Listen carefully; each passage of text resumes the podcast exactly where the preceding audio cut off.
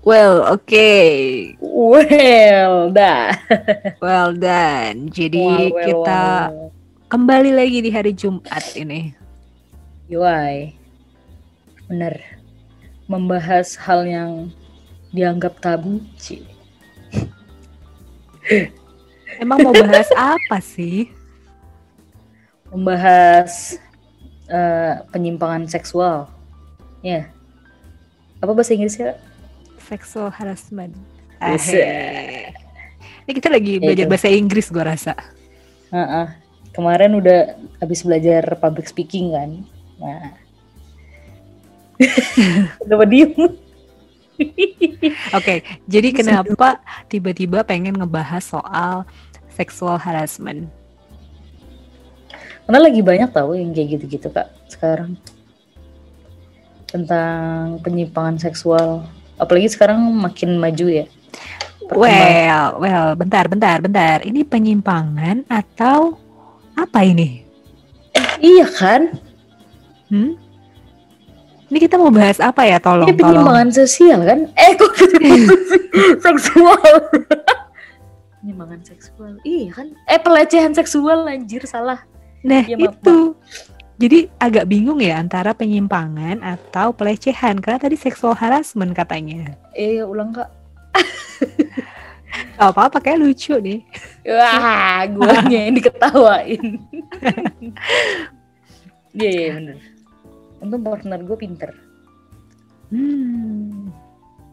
Kadang sih nggak nggak pinter. Pinteran gue. Iya oke lah. Untuk hal-hal membuli kayaknya pinteran lu. Lah gue sayang kali sama lu ya kali gue bully. Bunyi ya tadi ya? Itu apa sih? Kayak kayak tukang putu tau gak lu? Gitu. Asik. Emang apa nih? Perut lu ya? Ah, bukan. Itu gue lagi ngedein suara terus dia bunyi tereng gitu. Oh, gue kira perut. Aku suka bunyi perutnya. kedengeran ya. Well, lanjut, lanjut, lanjut. Tadi itu ngebahas soal pelecehan seksual jadinya ya, bukan Penyimpangan. atau di persimpangan jalan gitu. Mm-mm. Ya itu aja yang kita bahas lah. Ada isu apa nih? Lagi marah kak. Iya, maraknya di bagian mananya itu sisi maraknya? karena udah ada teknologi jadi itu kayak orang gampang untuk nge-share gitu loh coba kalau bayangin ke waktu kita zaman waktu kecil itu cuma dipendem doang kan kalau kita jadi korbannya. Sekarang tuh udah kayak banyak berani cerita gitu kak. Lu ada nggak eh, kesan traumatik? Cel. Ya lu pernah dilecehin gitu kak Sama lu.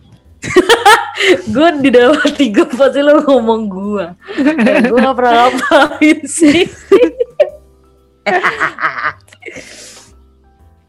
Mungkin lu bukan seksual tapi melecehkan. oh lo gue bener-bener melecehin sih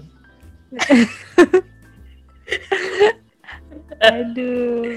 ya lo pernah nggak Pernah nggak ya? Ini sebenarnya bingung sih definisi pelecehan seksual tuh yang kayak gimana. Tuh mungkin Mm-mm. eh, lu Coba lu searching nggak? Definisi lo. Keduluan kita- ternyata. lah kita kan harus ini harus pintar harus tahu sumbernya juga Aduh, pelecehan seksual adalah kita cari ya di Om Google. Pelecehan seksual adalah tindakan seksual yang tidak diinginkan. Mm-mm. Ya intinya sih emang nggak pengen, tapi orang lain melakukan itu secara terpaksa. Eh salah, secara memaksa mungkin ya. Apa Ya, gimana ya? tapi kan pelecehan seksual bisa melalui her he gue salah ngomong lagi kan herbal Melalui lagi. herbal. Waduh. verbal maksudnya. Sampai Lucu, kejedok lucu. mic tau ya itu maksud gue kayak dilecehin gitu kan apa maksudnya dikatain fisik gitu kan juga termasuk tau kak. Pernah nggak ya? Tahu sejauh ini kayaknya. Waktu lu kecil itu nggak pernah. Tapi bukan yang mengarah ke seksual sih. Kalau pelecehan sih ya. Kayak kayak sekarang nih ya gue sering banget dikatain item sama lu itu kan sebenarnya pelecehan juga balik lagi ya itu beda ya Tuhan itu kan Beda. hobiku itu gue demam kalau nggak ya. gue demam kalau nggak melakukan itu sehari aja Aduh, kirain demam panggung gitu. Kamu gawat ini. Coba coba lu inget-inget lagi pernah nggak waktu lu kecil gitu apa lu nggak pernah kecil Lahir tahu-tahu gede ya. ya lu kan bongkar Gua pasangan dulu- kayak Hah? kayak Lego lu gak lu kan gak pernah kecil lu bongkar pasangan atau lu terlahir dari Kinder Joy Iya, ini topik lagi serius loh, karena kecengengesan banget sih. Kapan sih kamu seriusin aku? Dan Jess. Udah ah, lanjut ah. Iya tadi lanjut ya. Gua waktu dulu pernah waktu nggak kecil juga sih waktu itu gua SMA kalau nggak salah waktu itu gua di Semarang. Iya jadi waktu itu gua lagi jalan di daerah kota lama itu tempatnya agak cukup sepi ya. Terus gue pulang sekolah lewat situ ketemu sama orang dengan gangguan jiwa atau ODGJ. Nah dia nyolek gua. Ya waktu kecil kan eh, bukan kecil ya waktu itu gue SMA udah nggak kecil lagi kayak agak keganggu sih dicolek sama orang gila eh jadi ketawa dong Mungkin lu dicolek. eh kenapa? Dan lu. Mungkin lu dicolek. Cerita malah diketawain gue pengen nangis deh. Gue bayanginnya. Mungkin dicolek karena disangka temennya. Sakit surut ya. Tuh kan dibully lagi. jadi sebenarnya yang, yang melakukan pelecehan itu Priti sebenarnya gue disuruh cerita tapi malah gue yang diketawain gitu aduh nggak sopan nangis. kamu Ya terus habis itu lu, lu lari apa lu jual balik? terus kita bermain bersama gitu ya Terus Iya, terus gue kaget kan gue lagi jalan sendiri tuh. Waktu itu gue mau mau ke gereja gitu ya, jalan sendiri. Terus habis itu kecolek. Gue cuman kaget terus ngeliat dia dan mukanya dan dia ketawa gitu sama gue. itu cewek cowok sih Serem. ketawa. emang tuh tapi emang lu lucu sih kan orang yang gak ada Gue dibilang lucu sih. orang yang gak ada aduh gue kenapa sih kenapa jadi cengeng Gue ketawa liat lu ketawa coba. gitu. Terus habis itu? cerita gue. Mm. Kalau kayak catcalling ya? itu termasuk gak? misalnya gimana tuh? ya misalkan kan biasa Coba kan di- cewek-cewek sekarang kayak lu jalan terus disiul-siulin gitu diganggu-gangguin gitu sama jamet-jamet di warung misalkan. Itu kan termasuk eh, ini kan gue kebanyakan ketawa jadi sesek. Termasuk ini kan apa pelecehan kan? Nah itu yang pelecehan melalui verbal itu kan masuknya Iya, cuman gue belum pernah sih kayak gitu yang sampai diperiwitin sama tukang parkir paling kalau gue periwitin. penalti. Ya, ya jangan jangan lu deh yang lain ke maksudnya kan banyak kan orang-orang cewek-cewek sekarang kayak ngeluh males males jalan sendirian gitu. Apalagi kalau ngelewatin kayak mamang-mamang gitu takut digodain. Kan itu termasuk kan kak?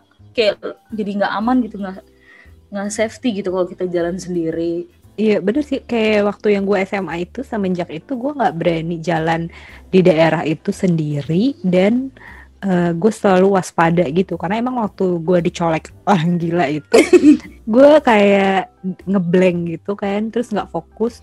Mungkin harusnya ketika gue fokus gue bisa ngelihat oh di jarak sana gitu ada ada orang gila. Jadi gue harus minggir. Eh ternyata dia nyamperin gue sih berarti masih ketawa loh masih ngetawain gue luar biasa kenapa kenapa harus orang gila gitu? Tapi gue menyadari dia tuh orang bukan nggak sopan sih ya gue bilang orang gila orang dengan gangguan jiwa itu karena penampilannya juga nggak baru nggak kali bagus-bagus banget. masih baru tapi nggak lecak baru mangkali situ. Enggak maksud gua kan ada yang baru lepas gitu gimana ya? Kan ada yang udah hampir lusuh banget gitu kan yang udah jorok banget. Nah itu kan mungkin dia udah lama di jalan. Oh itu gimana kak apa dia masih dia berpakaian nggak lengkap lusuh-lusuh banget Nah untungnya dia berpakaian lengkap ya, kalau nggak gue makin shock gitu. Emang dia pakaiannya lengkap, tapi nggak serapi orang pada umumnya kalau jalan di pinggir jalan gitu. Terus Oh, dia nyolek gue, gitu dia kali liat ya. gue sambil ketawa. Kayak gue dong. Nyalek lu sambil ketawa gue orang gila. Iya gitu, jadi boro-boro gue takut jalan di tengah orang yang banyak cowok yang potensi untuk ngegodain. Hmm. Tapi di jalan sendiri pun tahu-tahu ada orang gila kan yang nyolek lu gitu. Itu, itu insecure sih sebenarnya. Iya sih, serem. Makanya sebenarnya cewek tuh kurang aman ya kayaknya masih di negara Indonesia ini. Kayak berpergian sendiri kayak gitu-gitu. Entah itu rampok atau apa ya, tapi ya kayak gitu-gitu kan juga nyebelin. Kalau cerita lu gimana nih? Oh kalau gue, oh kalau gue mah jatuhnya emosi sih kalau gue. Bukan nggak selucu lu ceritanya. Lu pikir gue ngelenong? Ya kalau gue, buat pelakunya masih ada di di dekat rumah gue kak. Mhm. dan masih suka ke rumah gue. Jadi waktu gue SMP, gue jajan di warung tuh ru- rumahnya di lima lima rumah dari rumah gue lah warungnya masih sampai sekarang. Ya gue gue jajan dong di situ. Gue jajan, terus kembaliannya tuh diginiin baju gue kak siung gitu digituin Oh dimasukin ke baju gitu ya kembaliannya. iya tapi kerah lu tuh kayak agak diturunin gitu jadi dia kan bisa lihat Oke. Nah, terus padahal gue tahu dia tuh agamis banget sih. Dia yang sosok-sosok yang sorry to say yang selalu di masjid. Nah, kayak gitu tapi perlakuannya dan itu ternyata nggak hanya gue doang. Jadi anak-anak yang di komplek gue, yang cewek-cewek itu suka digituin juga kak. Kenapa dia masih dipertahanin di sini karena ngelihat istrinya tuh istrinya baik, baik banget gitu. Jadi kayak lebih melihat istrinya daripada si bapaknya ini dan anaknya tiga-tiganya cewek gitu. Terus kalau makanya gue setiap lebaran dia tuh suka nginter gitu kak. Dia sama anak-anaknya. Gue males aja. Apalagi bokap gue kan suka tugas di luar kota ya. Pas Hmm. dapet lebaran di sana, kan berarti kan di rumah gue cuman nyokap gue sama adik gue doang. Nah itu waktu itu Ryan masih, kayaknya Ryan ma- masih belum ada deh. Atau dia masih bayi ya, lupa deh gue. Pokoknya nggak ada laki-laki dewa, dewasa lah di rumah gue. Ya gue males. Kayak dia tak bertamu terus gue harus ngeladenin gitu gue gak mau. Gue bilang sama nyokap gue cuman gue belum ngomong. Gue ngomong baru baru-baru ini juga sih. Dua tahun atau tiga tahun yang lalu gue baru ngomong. Bilang kenapa sih nggak mau ketemu sama apa itu? Nggak ah, aku dulu pernah digini gini giniin ya udah saat itu nyokap gue kayak ya udah nggak usah nggak usah ketemu nyokap gue juga kesel. Akhirnya nyokap gue cerita. Jadi sebelum rumah gue dibangun tingkat gini kak jarak Mhm. rumah gue ke pagar tuh lebih deket kan. Terus situasinya bokap gue juga di luar kota tuh. Jadi cuma nyokap gue dan kita kita doang. Hmm. nyokap gue kan suka bigas ya. Dianterin sama si bapak itu. Nah bapak itu tuh main masuk aja kak. Nggak nggak permisi atau apa langsung udah di depan pintu rumah gue jadi pagar tuh udah dibuka sendiri sama dia. Makanya nyokap gue agak komplain juga dan dan ternyata uh, ibu-ibu yang lain juga digituin juga. Jadi kesel. Kita bilangnya pak jenggot. Karena dia jenggotan. Gitu. Sampai sekarang gue udah gue nggak respect banget sih sama dia. Itu pertama. Waktu gue masih belia ya itu ya. SMP kalau yang kedua waktu gue kerja kak Di mana nih? Di komuter lain. Mhm. gue pernah waktu berangkat ke kantor kan biasa lah ya rame banget penuh. Terus eh, biasa tas gue di depan kan. Terus gue posisinya kayak tangan gue di depan gitu megang megang tas. Nah itu situasinya tuh lagi penuh-penuhnya tuh. Ada bapak-bapak samping gue tapi kayak ngadep gue gitu kak. Mhm. bapak gue ngadep pintu pintu kereta. Nah dia ngadep Yep. ngadep ke gue dan Hmm. tangan gue tuh pas di itunya dia. Oke. itu kan apa ya kayak penuh banget kan. Terus dia tuh kayak ngegesek-gesek gitu. Itu Iya. ke gue terus gue kayak anjir. Kayak ih kesel banget gue. Tuh kalau misalkan biasanya kan kalau kereta kalau udah mau deket eh, stasiun kan ngeremnya suka mendadak gitu kan kak. Kayak nih truk gitu kan. Uh gue udah ancang-ancang gini gue sikut itu gue sikut burungnya anjir. Kesel banget gue terus gue gini lagi. Tuh rasanya dari dari kebay dari kebayoran ke kamera tuh rasanya lama banget. Rasanya gue pengen nangis tuh. Aduh lama banget sih. Tersiksa banget kak asli. Itu kalau misalkan gue teriak juga bingung nggak ada buktinya kan. Susah. Mhm. kalaupun kalau bukti bisa di videoin sih nggak masalah.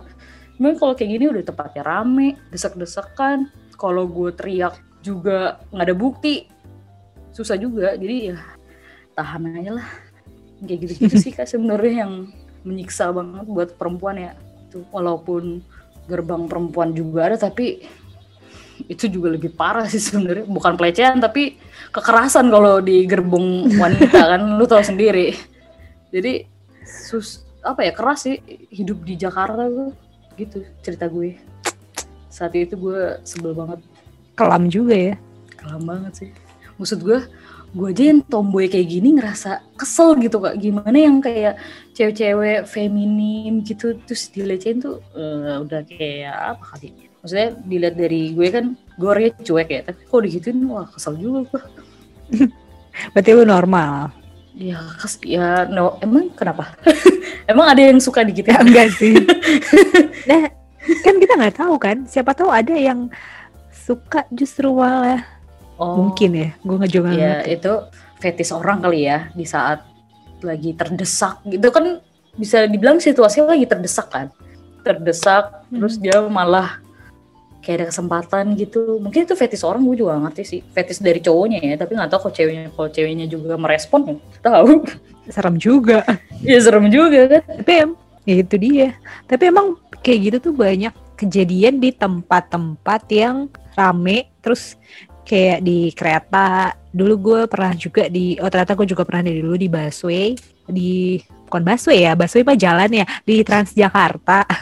Masa gue di jalannya kan nggak mungkin. iya makanya di di Transjakarta itu gue juga pernah tuh kayak lagi penuh-penuhnya memang ada orang-orang yang suka mengambil kesempitan dalam kesempatan alias mengambil kesempatan dalam kesempitan iya. itu melakukan hal-hal yang dengan cara gimana ya? sama kayak gue. Hmm? gesek-gesek atau apa Iya, gitu. yang kan kalau lu kan di depan ya hadap-hadapan waktu itu lu gue nggak pernah dapet waktu itu depan. dia di belakang gue gue nggak dapat depan nggak. Dia yang gimana sih nge ngejelasin di ya samping ya? ngadep di samping. gue ngadep depan dia ngadep gue. Heeh. Oke. Nah kalau waktu itu gue dia di belakang gue dan Hmm. gue nggak ada nggak ada pilihan selain gue diem karena kan lagi penuh banget dan di posisi gue tuh enak banget buat pegangan. Sementara kan kalau di kalau nggak pegangan tuh lebih serem kan yang ada gue kelempar ke mana-mana. Nah, dia Iya, mengambil benar. kesempatan dalam kesempitan itulah. tapi lu ngerasa lu lagi dilecehin saat itu karena Iya. bingung loh Dan karena enggak sih gue ngerasa gue dilecehin karena barangnya jadi ngerti ya maksud gue jadi gede. Barangnya tuh menonjol iya kalau yang biasa aja kan harusnya nggak nggak menimbulkan itu kan ada yang menonjol tapi bukan I don't bakat know ya.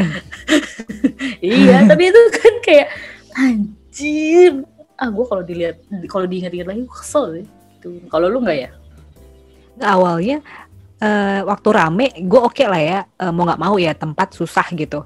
Cuman pas udah mulai sepi kok dia masih tetap ada di belakang gue itu kan aneh. Ya nggak sepi banget sih. Maksudnya kayak lu tuh udah bisa ada space untuk lu geser dikit. Nggak pas nempel banget sama gue tapi dia nempel sama gue berarti kan something wrong. Hmm, gitu Ih, serem banget sih. Emang sih. Dan kayaknya juga makin banyak ya yang verbal nih. Apalagi sekarang ada medsos terus kayak verbalnya tapi bisa jadi dengan omongan langsung bisa dengan kata-kata kali ya. Di medsos terus tiba-tiba dia komen nih. Komen kata-kata yang berbau-bau seksual harassment. Lu pernah nggak kayak gitu? Enggak sih tapi tergantung orangnya Kak. kalau ceweknya emang mengumbar ya tahu sendiri kan kayak jo walaupun bajunya ketutup tapi kalau dia joget-joget begitu ya pasti ini apa ya kayak memancing lah kalau menurut gue itu tergantung orangnya ya kalau di medsos ya oke berarti ada kemungkinan juga eh, dipancing ya Mm-mm. Kalau kita kan kejadiannya lagi di di transportasi umum yang kita nggak ngapa-ngapain baju juga ya biasa aja gitu nggak memancing juga orang. Gue juga mau ke kantor dan gue ditut gue tutup gini gitu. Iya sih benar juga.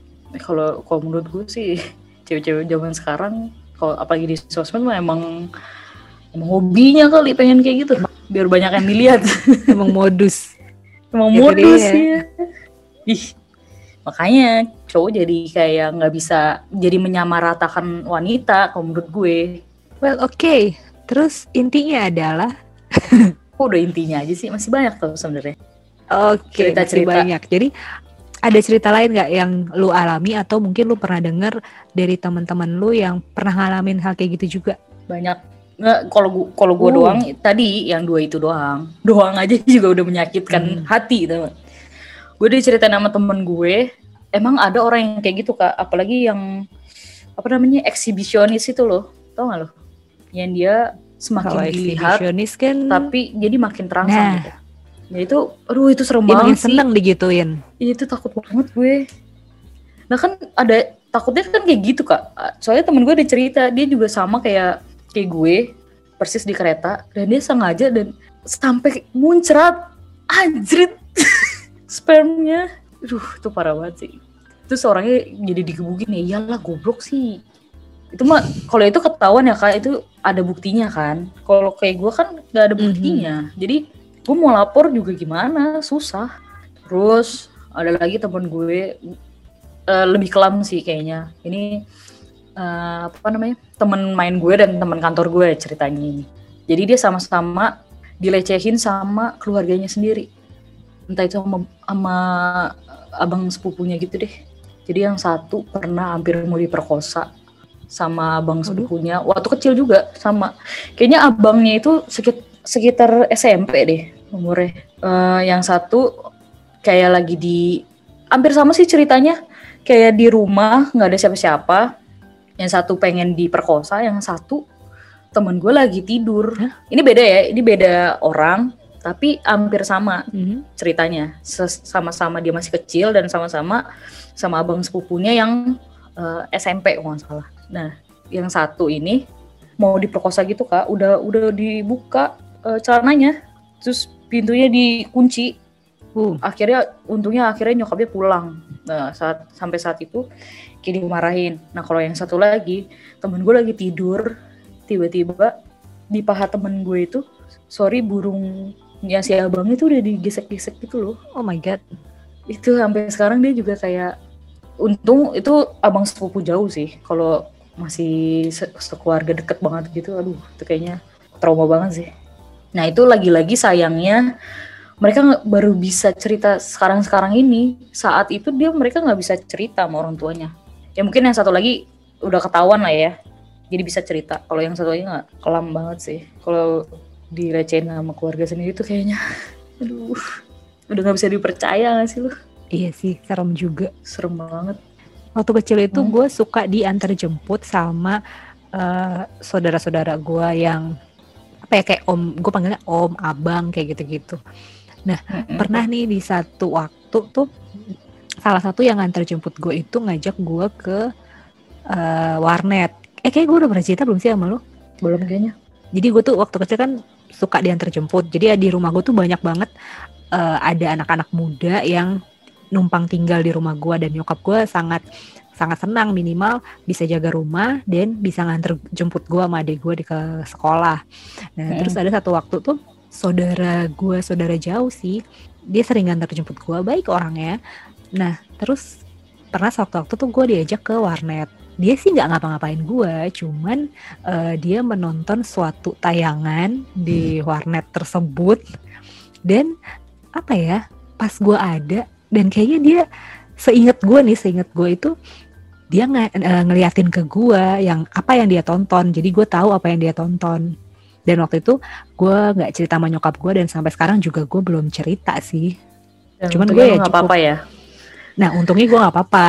Jadi gue cuman cukup tahu oh nih orang nonton yang kayak begitu. Dan gue emang harus hati-hati. Jadi semenjak itu gue juga agak eh, jaga jarak. Waktu itu gue masih SD sih sebenarnya. Jadi nggak Adik lu? gitu-gitu tahu. adik lu udah ada Adik gue udah ada. Jadi dia nganter jemput gue tuh gue sama adik gue. Cuman waktu itu pas gue diajak ke warnetnya itu eh, gue cuma berdua. Adik gue nggak ada deh kayaknya. Kayaknya lagi nunggu Tapi- something. Hmm? tapi lu ini apa ngasih tahu adik lu gitu apa lu jagain adik lu gitu gimana Nah, karena gue dulu masih SD ya, jadi otak gue nggak nyampe ke situ. Jadi ya udah gitu, uh, gue nggak kenapa-kenapa dan gue cuma tahu, oh nih orang suka nonton film yang gak jelas gitu ya. Waktu kecil kan suka-suka tabu ngomongin kayak gitu kan. Udah, dan gue nggak cerita-cerita sama nyokap bokap gue waktu itu. Eh, bokap gue udah nggak ada kayaknya ya. gitu deh.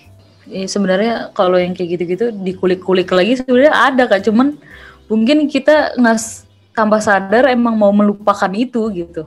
Benar. Ngerti Karena malu. Menderita kayak gitu tuh antara takut, malu, sama ya, ya malu sih lebih ke malu sih sebenarnya kalau dilecehin itu. Dan waktu itu kan gue nggak tahu ya itu niatnya dia mau ngapain sih ngasih lihat gue film seperti itu gitu. Nggak tahu dan gue juga kayaknya waktu itu nggak nanya juga ngapain sih diajakin nonton begitu. Wait, lu diajakin? Gue kira lu memergoki dia loh. Lu diajakin nonton itu? Enggak sih, jadi gimana ya gue gue agak samar-samar Serem sih. banget karena sih. kan kan gue samar-samar nih waktu SD soalnya kan. Jadi waktu itu kita mampir ke warnet, dia gue lupa dia sambil kuliah atau gimana ya dia ada nyari sesuatu di warnet itu. Ya gue nunggu dong. Gue duduk di samping habis gue bingung kan mau di mana. Lu tau kan kalau warnet tuh bilik-bilik kan? Dan iya. gue mau duduk di mana coba? Ya udah di situ. Ya Tuhan. Serem banget sih. Serem banget. Nah karena waktu gue nah karena waktu itu gue masih kecil jadi kan gue akhirnya jadi melihat tuh alat reproduksi wanita gitu ya. Karena gue tahu oh jadi ntar kalau gue udah gede gue kayak gini nih yang kayak gitu loh sampai mm-hmm. sampai ke titik yang kayak gitu padahal mah zaman dulu gue masih masih polos dan gue kayaknya waktu itu belum belajar yang namanya pelajaran biologi ya iyalah masih SD Cuma, biologi mah SMP reproduksi oh IPA ya dulu ya masih SD itu mah belajar IPA. Iya, IPA-nya juga masih IPA-IPA uh, eh, tumbuhan anatomi kali ya. Tapi reproduksi mah baru SMP apa SMA ya? SMP kayaknya. Ya gitu. Tapi nanti kalau misalkan kita punya anak, memang harus ditanya sih kak. Walaupun mereka nggak nggak nggak cerita ya, tapi pasti dia memendam mungkin. Entah cewek entah cowok ya, karena sekarang juga serem sih. Cowok juga pasti pernah ada, cuman nggak sadar aja. Ngeri sih emang. Dan emang kitanya juga harus aware. Iya, benar. Nah, waktu dulu itu gue sebenarnya pengen cerita sama nyokap gue, cuman gue juga mikir sih di satu sisi nih orang tuh udah baik nggak mau nganter jemput gue uh, ya udahlah masa cuman gara-gara ini terus nanti akhirnya nyokap gue jadi marah-marah sama dia. Terus gak ada yang nganter jemput gue walaupun memang banyak sih yang tinggal di rumah gue nggak cuman dia. Itu lu mikir apa sih itu pikiran ya, lu nyampe kok gitu itu. sih. Ya. itu apalagi setelah itu tuh siang an eh, ntar ketahuan deh siapa. Ntar gak enak ah kalau nyokap gue denger ini. Ya ya paling ntar lu diinterogasi. Tapi kan udah lalu dan lu juga nggak kenapa-napa kan? Apalah. Mm-hmm. dan emang orangnya baik sih. Ya mungkin emang lagi belajar ya cowok lah ya. Belum belum dewasa banget lah ya itu ya kali ya. Kuliah lagi kan. Kayak kayak tadi yang abang sepupunya dan masih SMP ya wajar lah. Mungkin dia lagi cari-cari tahu dan dia nggak punya objek selain adik sepupunya itu. Mungkin kan namanya juga SMP kak. Pasti lagi explore explore nya mereka kan? Gitu. Mm-hmm. cuman ya kalau kalau nggak dilurusin lagi serem juga. Ya sebenarnya di kantor kita ada sih yang yang pelecehan gitu. Cuman kitanya ngerasa itu temen aja. Ya kan mereka kan suka megang-megang terus suka yang begitu-begitu. Kan sebenarnya udah pelecehan kok menurut gue kak. Cuma karena kitanya juga itu teman kerja kalau ini dibilang baper nanti gimana dong? Bingung gak sih? Gimana menurut lo kak? Rekan kerja yang agak-agak itu ya agak-agak iya. suka menjamah gitu ya sangat iya. ramah. Hmm, gimana tuh kak? Dilema. Kalau gue sih akhirnya jadi kayak ya itu jadi kalau misalnya ada rekan kerja yang emang tangannya ramah banget rajin menjamah kayaknya gue prefer untuk jaga jarak sih sama orangnya Jadi kalau dia emang suka gitu jangan diladenin atau nggak perlu yang apaan sih kayak gitu-gitu. Cuman uh, cukup sekali tahu udah ketika dia mendekat kita jaga jarak. Kalau gue sih prefernya gitu. Apalagi kan sekarang untungnya lagi corona ya. Kan udah, Jadi mau nggak mau kita dia harus mah selalu dipepet jarak. terus. dipepet terus. Iya, you know lah Orangnya selalu kan. mepet terus. Iya. Aduh. Ngeselin banget, sumpah.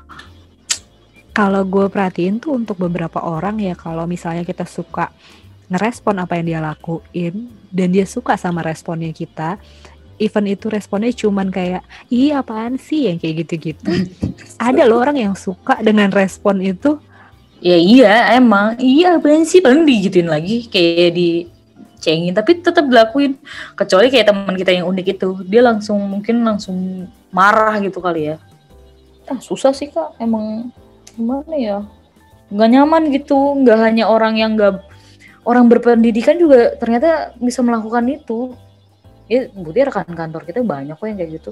Well, oke. Jadi tipsnya apa nih yang perlu kita sampaikan supaya kita aman ketika berada di tempat umum?